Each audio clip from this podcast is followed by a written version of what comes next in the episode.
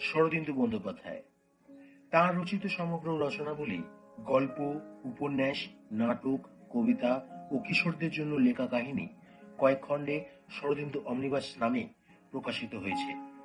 লেখকের গোয়েন্দা কাহিনী, ঐতিহাসিক উপন্যাস, কিশোরদের জন্য লেখা গল্পগুলি যথাক্রমে শরদিন্দু অমনিবাস প্রথম থেকে চতুর্থ খণ্ডে মুদ্রিত হয়েছে। পঞ্চম খণ্ডে শরদিন্দু বন্দ্যোপাধ্যায়ের সমুদায় অলৌকিক গল্প ও হাস্য কৌতুকরসের ঊনপঞ্চাশটি গল্প রচনা কাল অনুসারে সংকলিত হয়েছে। আজকের গল্পটি আমরা নিয়েছি শরদিন্দু অমনিবাস পঞ্চম খণ্ড থেকে। আজকের গল্প অযাত্রা।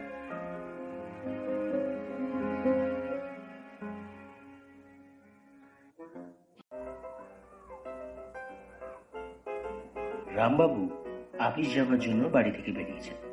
বেলা আন্দাজ নটা। দুর্গা দ্রুত মেদুকণ্ঠে দুর্গা নাম আবৃত্তি করতে করতে রামবাবু চৌকাট পার হলেন। সঙ্গে সঙ্গে চাদরের খুঁটিতে এক টান ঘাট ফিরে দেখলেন দরজার হুড়কায় চাদর আটকে গেছে।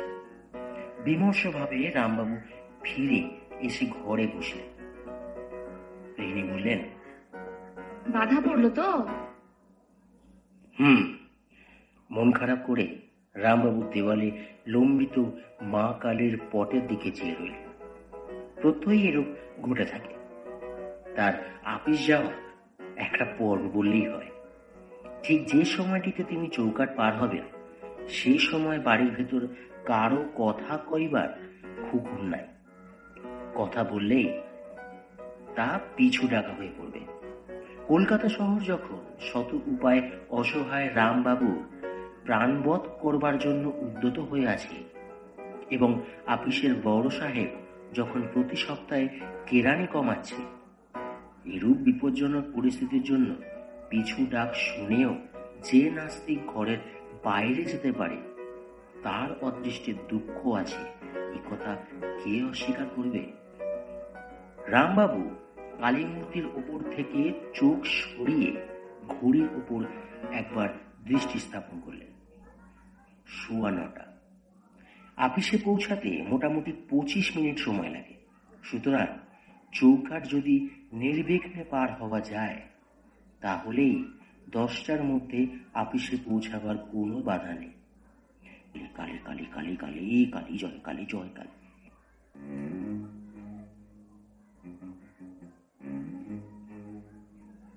বিঘ্নকারী কোনো উপদেবতাকে ফাঁকি দেবার জন্যই যেন রামবাবু সুরুত করে দ্বার লঙ্ঘন করে গেলেন। কিন্তু ফুটপাতে নেমেই তাকে দাঁড়িয়ে পড়তে হলো। একটি গেঞ্জি পরানো বোধ হয় কোনো মেসের ম্যানেজার, তরি তরকারি কিনে হন হন করে যাচ্ছিল। তার সাথে রামবাবুর চোকাচুকি হয়ে গেল। ক্ষণকাল তিনি স্তম্ভিত পথ দাঁড়িয়ে রইলেন। লোকটি ততক্ষণ তাকে অতিক্রম করে গিয়েছিল। তিনি এমন সময় চমকে ডাকলেন ওহে শোনো। লোকটি ক্রুদ্ধভাবে ফিরল দাঁত খিচিয়ে বলল কি চাই রামবাবু তার দিকে এক পা অগ্রসর হয়ে গেলেন। তীক্ষ্ণ দৃষ্টিতে তার গণ্ডের দিকে তাকিয়ে বললেন তুমি দাড়ি কামিয়েছ না মাকুন্দ তোরটাতে কি রে শালা। অগ্নিশর্মা ম্যানেজার আর একবার দাঁত খিচিয়ে হন হন করে চলে গেল। খনার বচন অগ্রাহ্য করবার জো নাই।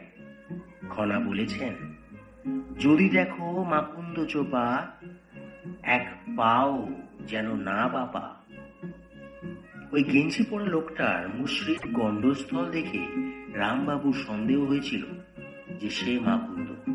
তা মাকুন্দ হোক বা না হোক এরপর যাত্রা না বদলালে আপিস যাওয়া চলে। রামবাবু ফিরলেন।